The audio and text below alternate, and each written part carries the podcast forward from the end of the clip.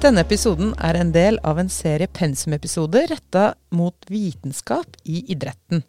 I denne episoden får du høre mer om idrett, trening og helse i et vitenskapshistorisk perspektiv. Hvilken plass hadde idrett og trening i arkaisk tid og i antikken?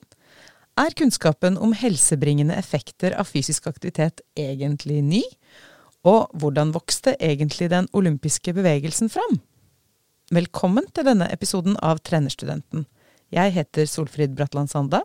Jeg er professor i idrettsvitenskap og fysisk aktivitet og helse ved USN studiested Bø. Og gjest og ekspert på vitenskapsteori og idrettsvitenskap er Jan Ove Tangen, som er eh, professor emeritus i idrettssosiologi her ved USN studiested Bø. Velkommen til deg, Jan Ove. Takk, takk. Jan Ove, hvorfor eh, er dette et tema som er relevant for studentene våre å kunne noe om? Ja, det er litt vanskelig å svare på. Men uh, for de fleste syns vel kanskje historie er kjedelig. Det er liksom tall og datoer og, og mennesker som har levd før, men det er, ikke så viktig. Men det er faktisk viktig. fordi at uh, veldig mye av det vi da underviser i her på USN, i idrett og fysisk aktivitet og helse og sånne ting, det, det har en historie veldig langt tilbake. Og Derfor så bør studentene også ha dette bakteppet da, for å skjønne hvorfor vi holder på som vi gjør per dags dato. Mm. Og det er jo litt sånn eh, 8000 år på 20 minutter ish vi skal gå gjennom her, så, så det blir jo bare å skrape i overflata. Men, eh, men, kan ikke du ta oss tilbake til der det starta, Jan Ove, sånn historisk sett? Ja, det går ikke an å sette noe dato på når det starta. Men men, men, eh, det ligger altså noen sånne levninger etter mennesker som har levd før, langt tilbake. Og noen tolker dette som idrett, og noen tolker det som noe annet. Og jeg syns det er viktig å si det på forhånd at alt hva vi på en måte observerer som kan minne om idrett, f.eks. vi har en avbildning av en som står med et spyd i handa. Er dette idrett, eller er det en del av en krig, eller er det f.eks. jakt? Og når vi ikke har noen skriftlige kilder som knytter an til dette, så må vi på en måte ha en slags type tolkning. Og det betyr at vi, at vi må ha en slags type definisjon på hva idrett er. Men da er vi midt oppe i ontologi- og epistemologidiskusjon, som skal ta neste podkast, så vidt jeg vet. Ja. Men, men, altså Man mener kanskje at idretten kan spores tilbake i hvert fall 8000 år eh, tilbake. Og det er ganske lenge. Så å si noe om alt dette her på 20 minutter, det er som du sier, altså det er litt utfordrende. Vi skraper i overflata. Skraper i overflata, men jeg håper å få sagt noe viktig for det. Ja, Men tilbake til da arkaisk tid, da. Eller mm. hvis vi går på en måte tilbake ja. dit. Ja. Hvordan så dette ut, eller hvilken, hvilken, plass tror vi at idretten hadde? Ja, altså Det vi vet, og det som kanskje vi har historie om, er jo på en måte de som hadde det best, altså overklassen. Og der er det jo spor etter, etter, fortellinger og historier, dels gjennom sånne som jeg nevnte, sånne, noe som hadde skrapa inn eller prega en leirtavle f.eks., hvor det var, tydeligvis var en eller annen som sto med et spyd i handa. Og da må vi tolke dette. Er dette idrett? Litt senere så, så har det jo blitt funnet en del kileskriftsleirtavler, som altså da rett og slett forteller en historie. Og så har det vært muntlige overleveringer fra ca. 5000 før Kristus om den store helten Gilgamesh, f.eks., som ble skrevet ned da noen tusen år seinere. Altså, og der er det fortellinger om Gilgamesh som bl.a. brøt mot Enkidu under en oppvisning på Slottet. Og det indikerer også at det, er, det, er, hadde, det var underholdning. Det var knytta til et sånn type yrke, en viss form for profesjonalisering kanskje. Man trente. Og det er faktisk også ganske omfattende lærebøker, altså skrevet av på disse leirtavlene, om hvordan man skal trene hester for å gjøre det best mulig. Best mulig prestasjoner. Så det er tydelig at det har, det har fulgt oss veldig lenge. Men vi vet ikke så veldig mye om uh, hvor langt tilbake. Men uh, la oss si 8000, før, ja. eller 8000 år tilbake. Ja, cirka. cirka. Og så beveger vi oss litt framover eh, mot antikken. Hvordan ser dette ut eh, der? Ja, øh, hvis jeg får, får lov å dra litt til fra, ja, fra Arkaisti, som er litt nærmere antikken, så, så, har vi jo en del øh, gravmalerier fra, fra, Egypt. Fra Beni Hassan-graven f.eks. Og på en av veggene der så er det avbilda bryteknep. Altså hvilken type grep bryterne skulle gjøre. Det er altså ca. 400 forskjellige grep som er avbilda på den veggen. Så Det betyr altså at bryting har vært en veldig sentral aktivitet. Man hadde kunnskap, og man hadde altså detaljerte uh, bilder av hvordan grepet skulle utføres i forhold til trening. Så, så, det fantes også i Egypt da ca. for 1800 år før Kristus. Men når vi beveger oss nærmere antikken, og kanskje ender opp med et årstall, så har vi 796 før Kristus. Så, for, så har, har, vet vi forholdsvis sikkert at de første olympiske lekene var i gang. Det kan tolkes som at dette var en nyordning av noe som hadde foregått i Olympia, ved Sevs-alteret tidligere, men i 796 så er det slått fast at den første vinneren var det og det. Så da har vi en indikasjon. Og fra da av så var de olympiske lekene, de antikke olympiske lekene ganske sentrale i, i, i kulturlivet mm. i antikken. Uh, ikke nok med det, men man hadde også da etter hvert etablerte ulike typer skoler, altså gymnas. Altså, gym, altså gymnas kommer av gymnas, det betyr å trene naken. Yeah. Sånn at, sånn at, da man hadde en institusjon som tok og trente opp disse, disse mannlige, eh, frie unge menn for at de skulle bli gode i idrett. Og matematikk og retorikk, f.eks. Så pluss noen andre fag. Ja, sånn at så koblinga mellom fysisk aktivitet og læring, kunnskap, den koblinga ser vi også tilbake ja, til antikken. Både når det gjelder idrett og diskusjon om idrettens, eller fysisk aktivitet er i mer vid forstand, altså det å bevege seg mer systematisk.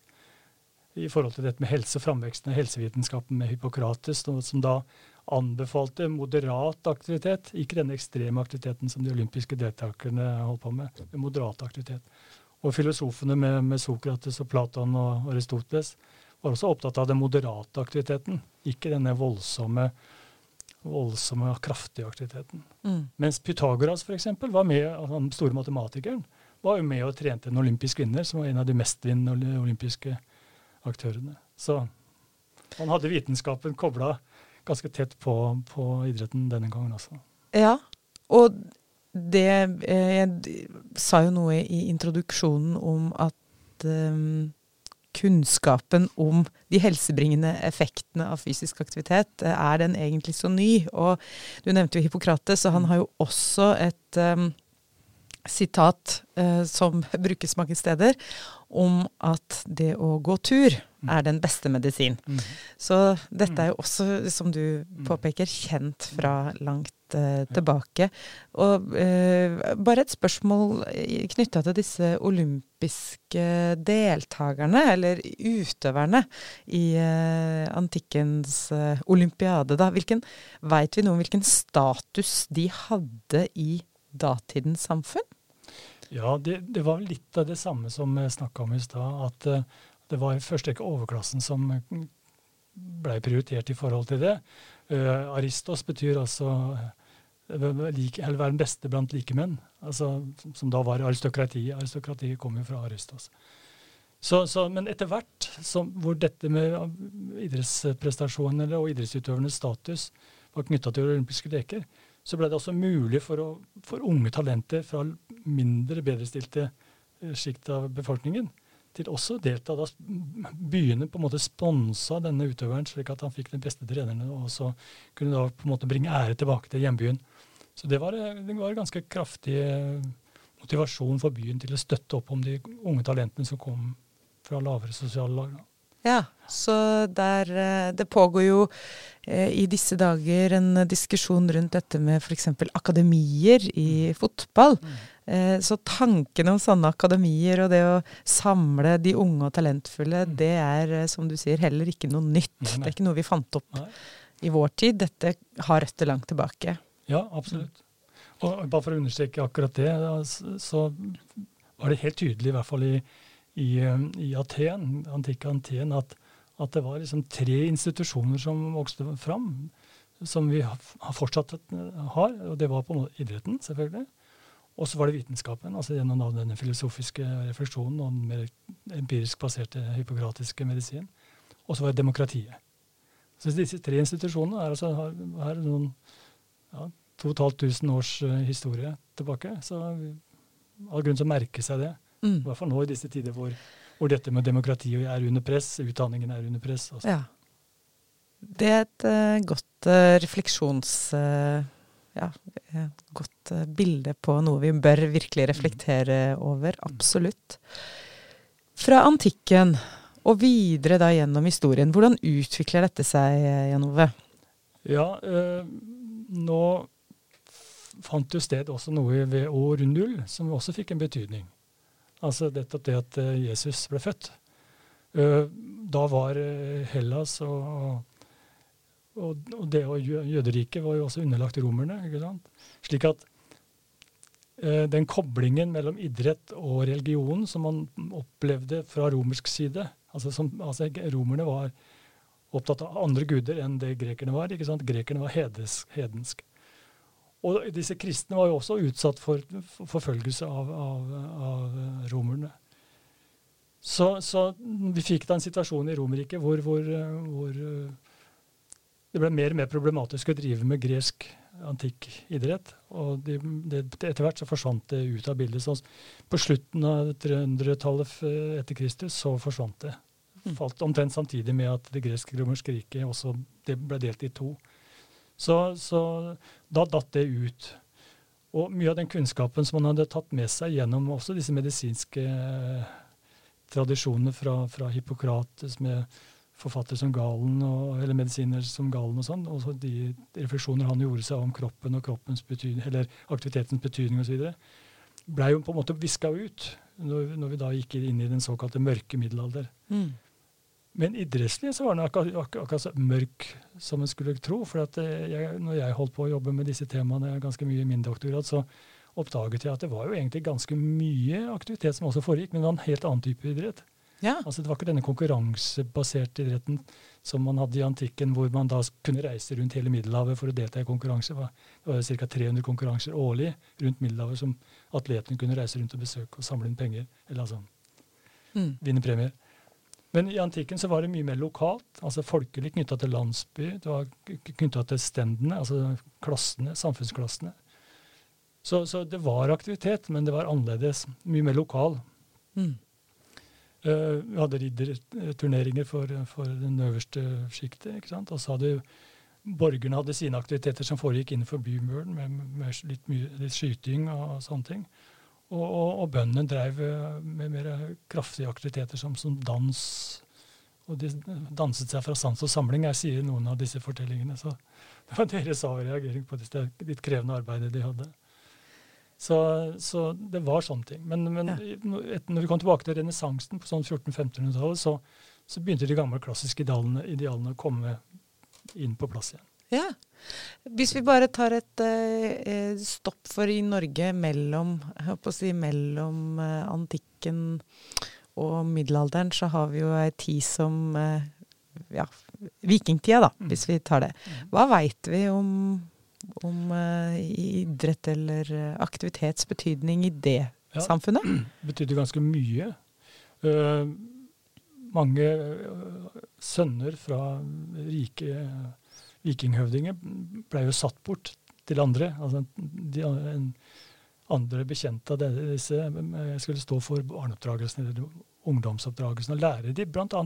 våpenbruk og idrett og, og, prøve å vise seg rett og slett fram. Olav Tryggvason ble jo kjent som den største idrettsmannen i Norge i sin tid. Og det var snakk om at de skulle mestre sju eh, forskjellige idretter. Ølbrygging var en av de, og lese dikt var en annen. Så de hadde, de hadde et relativt hvitt idrettsmiljø ja. den gangen. Så, men det var viktig.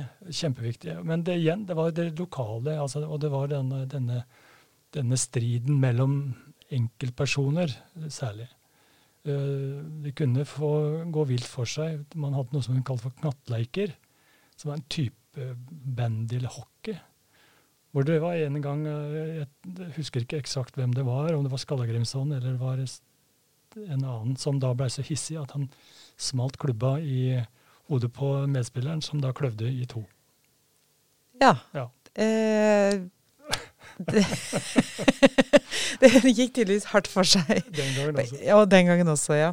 Eh, og, så, og, så, nevnte du jo renessansen. Da hopper vi videre måte, mm. utover um, utover uh, ja, 1500-tallet. Hva, hva, hva, skjer? Ja. Så, Ja, altså, da ble jo en del av disse da Kirkens grep om, om, om tankesettet ble jo svakere. ikke sant? Og det var en del lærde, eh, altså da innenfor, både innenfor eh, kirken, men også innenfor særlig dette munkesystemet, som hadde tatt vare på en gamle tekster, og de fordypet seg i disse tekstene på nytt. Og da dukket det opp ny inspirasjon for å kunne anbefale både det ene og det andre. og da var det særlig, Den gangen var det pedagogene særlig som, som ble opptatt av idretten. Da Feltre bl.a. som anbefalte ulike typer aktiviteter for overklassen. også Oppdragelsen og opplæringen av, av, av sønnene særlig. Kvinnene var jo selvfølgelig satt på sidelinjen.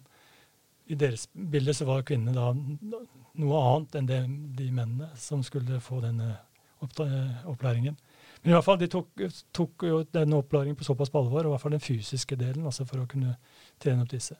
Men samtidig så vokste også fram den nye vitenskapen. altså rett og slett denne muligheten til å obdusere og dissekere kropper og se hva, hvordan dette var bygd opp. Og Vesalius lagde jo et fantastisk bok, et, et, et atlas over menneskekroppen, hvor han da hadde plukket lag for lag av med muskler og, og, og sånn, for å avdekke hva, hvordan kroppen var bygd opp. Og Den ligger på nettet, så den som måtte være interessert i uh, å se på dette, kan søke på Vesalius, og så kommer den boka opp, og da kan du bla deg gjennom denne fantastiske boka om alle disse avbildningene. Og så har du Harvey som fant, fant blod, altså kunne beskrive blodsirkulasjonen i kroppen. ikke sant? Da brukte da metaforer som pumper og, og ventiler, og sånn som han kjente da fra, fra, fra, andre deler av samfunnet. Så han utviklet et nytt system på hvordan blodet transporteres rundt omkring. Så, så det vokste fram type, andre typer perspektiver. Så liksom både utdanningen og idretten og kulturlivet ellers ble helt annerledes plutselig. Og så beveger vi oss jo mer over i ja, det vi kan kalle en mer sånn moderne tid. Ja, ja og overgangen fra liksom um, renessansen gikk jo via pedagogene også den gangen. Bl.a. Godsmot, som er kjent for liksom, å være gu, uh, gymnastikkens far. Han anbefalte jo at man skulle da sørge for nok trening og fysisk aktivitet med, med, det vi nå i dag, eller i hvert fall min generasjon, kalte linjegymnastikk. Som egentlig kommer fra Ling, den mm. svenske Ling, som også utviklet et sånt gymnastikksystem. Og så har du torn, tornfater Jan, som også sto bak denne turningen, som da var mer sånn apparatturn. Det vokste fram i Mellom-Europa. Men så har vi også da denne, disse engelske public schools, som også vokste fram på 1700-1800-tallet. Som også har drevet med idrett som, som, en del av opplæringen. Så for pedagogene tok tak i, i idretten ganske mye akkurat i begynnelsen av dette. Mm. Og der kommer jo da blant annet, eh, Da er vi over mot den olympiske idretten, som da baron de Coubertin ble så veldig inspirert av. Han var veldig inspirert av de engelske kostskolene.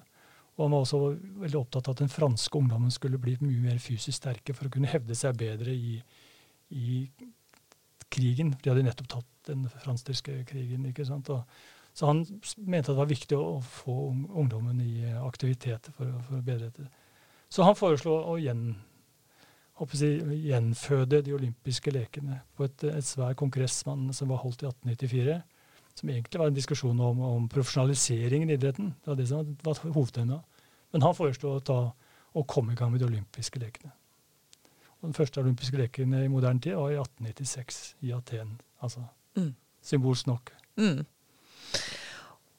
Og det du peker på her, er jo at fysisk aktivitet, trening, det å være i god fysisk form, hadde ulike funksjoner i samfunnet. Mhm. Det handla ikke bare om uh, status, men det handla rett og slett om uh, et lands evne til å forsvare seg. Og, uh, og nok en gang så, så, peker du jo veldig på denne koblinga og egentlig integreringa av aktivitet og idrett med læring og kunnskap. At det var en viktig måte man eh, Om man ikke lærte gjennom, men det var, det var en viktig, et viktig del av skolesystemet. Eh, og det, det, kan vi komme litt tilbake til etterpå, men det er jo veldig interessant hvordan dette egentlig har snudd veldig i den moderne tid, for skolen er blitt så eh, inaktiv, eller det, det er så eh, mye inaktivitet eh, og stillesitting blant elever at eh, Jeg har jo nevnt dette også i et par tidligere episoder, men det er fagfolk nå som har gått ut og advart veldig om eh, mangelen på leik og mangelen på fysisk aktivitet, og hva det har å si for den nevrologiske utviklinga til barn i dag. Mm.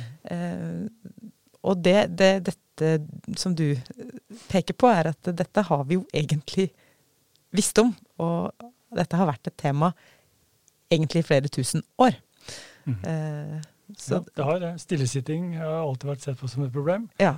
Men for mye aktivitet har også vært et problem. Nettopp. Og da er det moderate delen, den eh, moderate aktiviteten som skulle, se, skulle, være i fokus. Det er det fortsatt. Ja. Og det er en idé som er eh, i hvert fall 2500 år gammel. Så, ja. ja, rett og slett. Eh, over også i dette mer moderne med framveksten av um, av eh, olympiske leker, og, og, i Norge så hadde vi skyttervesen, og, og så utvikler eh, idretten seg på eh, ulike måter. Vil du, vil du, kort si litt om hvordan idretten har utvikla seg i Norge eh, de siste ja, 150 år ish? Ja, det er vanskelig å si lokaliserer liksom bare til Norge, for det var jo en framvekst av, av moderne idrett liksom som delvis har røtter i, i, i England og det britiske imperiet, eh, i USA, i Europa. Så, så, men det vi har vært igjennom, har jo vært en, klars, en veldig sånn sterk fokus på prestasjonsutvikling. Altså å bli stadig bedre. Og det olympiske mottoet ble jo dette situs altus fortus, altså hurtigere, høyere, sterkere, som de fikk eh, i 1920-åra. Så det har vært en fokus på å prestere stadig bedre. Og, det, og idretten har også tatt, hele tiden hatt en sånn underholdningsverdi for, for, for, de store massene, så det ble viktig. Og så har jo også idretten også vært et slags type laboratorium for forskere. Altså med, Særlig medisinsk-fysiologisk forskning har jo sett på idretten som en mulighet til å forske på, på, på, på hvor går grensene for menneskets yteevne. Og der har det vært litt sånn skiftende posisjoner, i hvert fall innenfor medisinsk-fysiologisk forskning. at det, En periode var man veldig bekymra for denne voldsomme aktiviteten. Det var en del som døde, ikke sant? pga. at de også i tillegg brukte en del medisinske mm. preparater, og sånn som stryknin og andre ting, for å prestere bedre. Altså døde. Mm.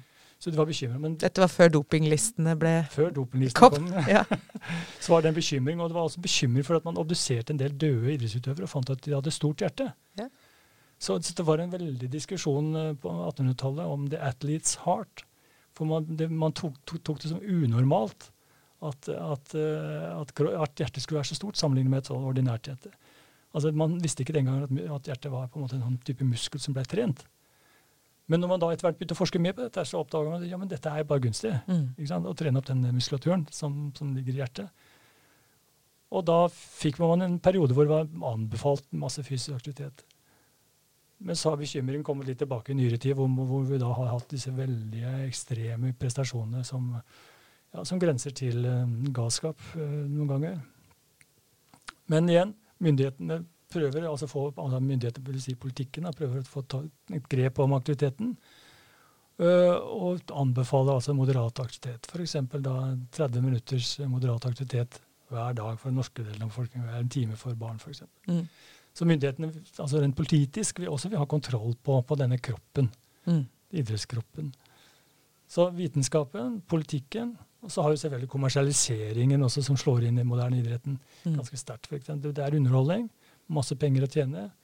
Både for de første penny papers, altså de første avisene som er trykt, de trykte om idrett. Radioen kom, mm. og telegrafen kom før der igjen, ikke sant, som transmitterte eh, informasjon om de, hvordan det hadde gått i den og den boksekampen, f.eks. Og så fikk du TV på 40-50-tallet. Altså, ja. Og med denne kommersialiseringa som du sier, og, og en, du nevner jo også at det har vært en type profesjonalisering egentlig fra veldig langt tilbake. Mm. Og eh, da kan det jo passe å, å, snakke litt om at eh, 2022, altså fjoråret, var jo frivillighetens år i Norge. Og denne her eh, koblinga mellom, eller eh, motsetninga kanskje, mellom profesjonalisering i idretten og frivilligheten i idretten hvordan har den, hvordan har den frivilligheten som vi ser i idretten, også vært der hele tida, eller, eller, er det noe som har vokst fram i mer moderne tid? Hva, hva veit vi om det? Nå er ikke jeg ekspert på frivillighetsforskning, men, men det er nok et, både et nyere fenomen, men kanskje også et ganske skandinavisk fenomen. Altså, jeg tror uh, Idretten i andre land utenom Skandinavia er ikke så basert på frivillighet. Det er knytta til skole, f.eks., sånn som i USA. Der er liksom aktiviteten foregår i regi av skolene. Det er ikke klubber på samme måten som, som det er her. Så, så, det er nok i første rekke Skandinavia som har basert seg på denne si, frivillighet, eller dugnadsånd, mm. som man i noen sammenhenger kaller det. Som vokste fram i forbindelse med sosialdemokrati. At man skulle løfte i flokk mm. for, for, for, for, å, kunne støtte opp under en del av disse kulturgodene, som f.eks. idrett ble oppfatta som uh, på begynnelsen av uh, 20-30-åra. Mm. Arbeidernes idrettsforbund og alt det der. Så, så, frivilligheten har, eh, er egentlig ganske ny. Mm. Men som du sier, den, trues i den forstand at, at den trues av kommersialisering i den forstand at man ønsker ut ifra en sånn prestasjonslogikk å ha bedre kompetanse, slik at man kan prestere bedre og vinne kampene. Mm. Og det, Da kan det komme en konflikt mellom si, frivillige eh, mammaer eller pappaer som ønsker å på en måte følge opp ungene gjennom kanskje også å være trener, og da en profesjonell eh, trener som vi utdanner for, mm. som prøver å komme inn og skaffe seg et utkomme og få seg lønn og sånn. Og den kompetanseforskjellen det er mellom den profesjonelle og amatøren, eller den frivillige, den er jo ganske stor. Mm. Både når det gjelder kunnskap om det fysiologiske siden, men ikke minst det psykologiske og pedagogiske, så er det stor forskjell. Og nå går jo også da deres frivilligheten ned eh, rundt forbi, så, og det bekymrer ganske mange. Mm. Det er, eh, så vidt jeg, Siste tallene jeg husker, var at det var ca. 28 000 årsverk, årsverk knytta til eh, den norske idretten. 28 000 årsverk. Mm.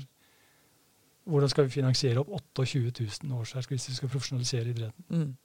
Så her er det et eller annet vi må løse. Absolutt.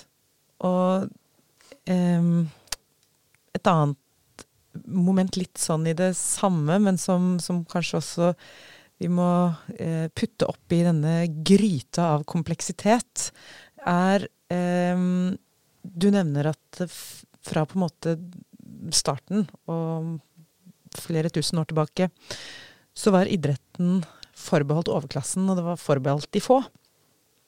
Mens eh, nå snakker vi om idrett for alle og vi har fått et større og større fokus på inkludering. Vi har f.eks. i denne podkasten tematisert i to episoder dette med jenter og kvinners deltakelse. Så dette med kjønn og kjønnsdiskriminering.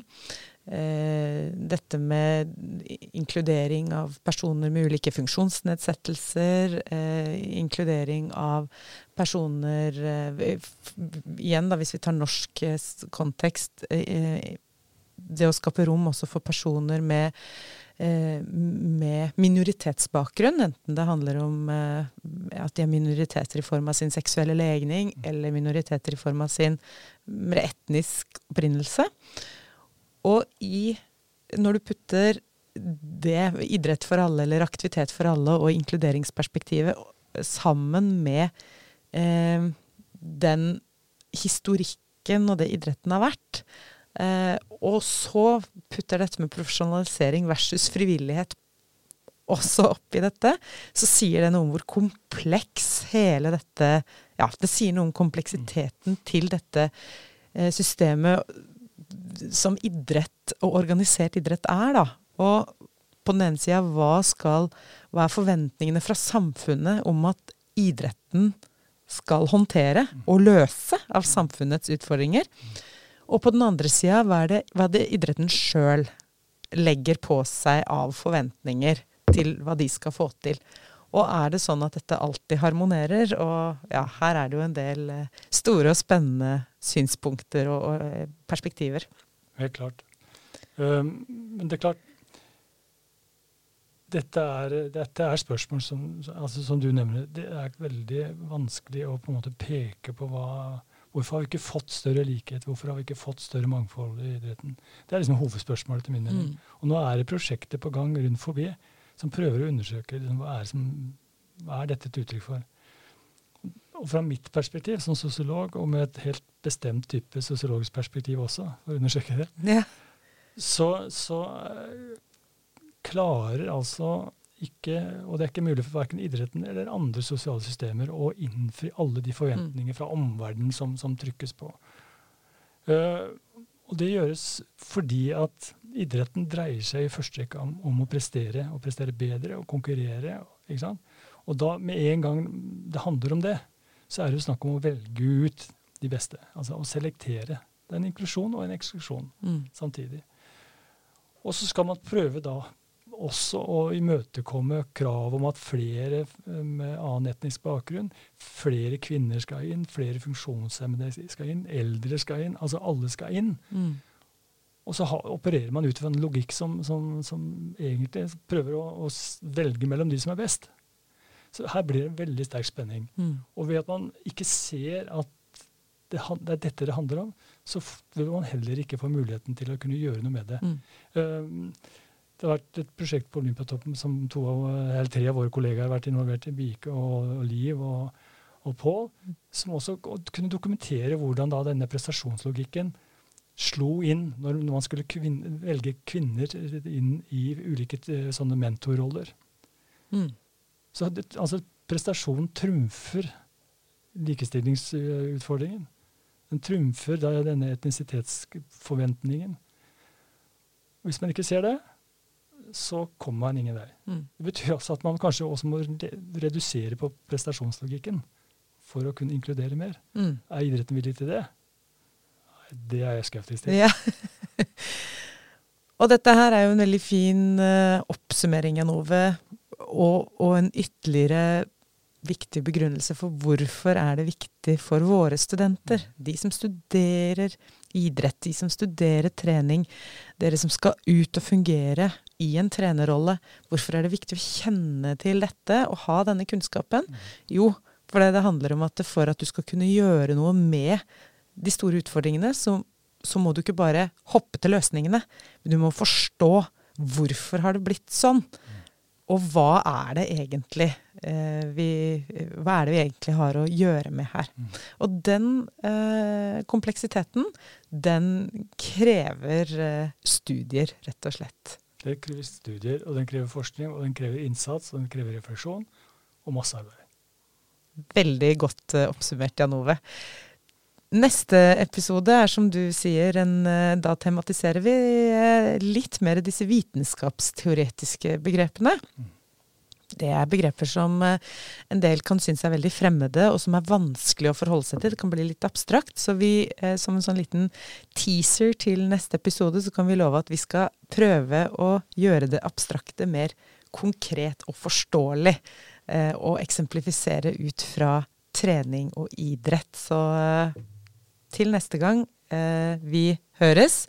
Og takk for at du stilte opp i dag, Jan Ove. Vi snakkes i neste episode. Det er morsomt.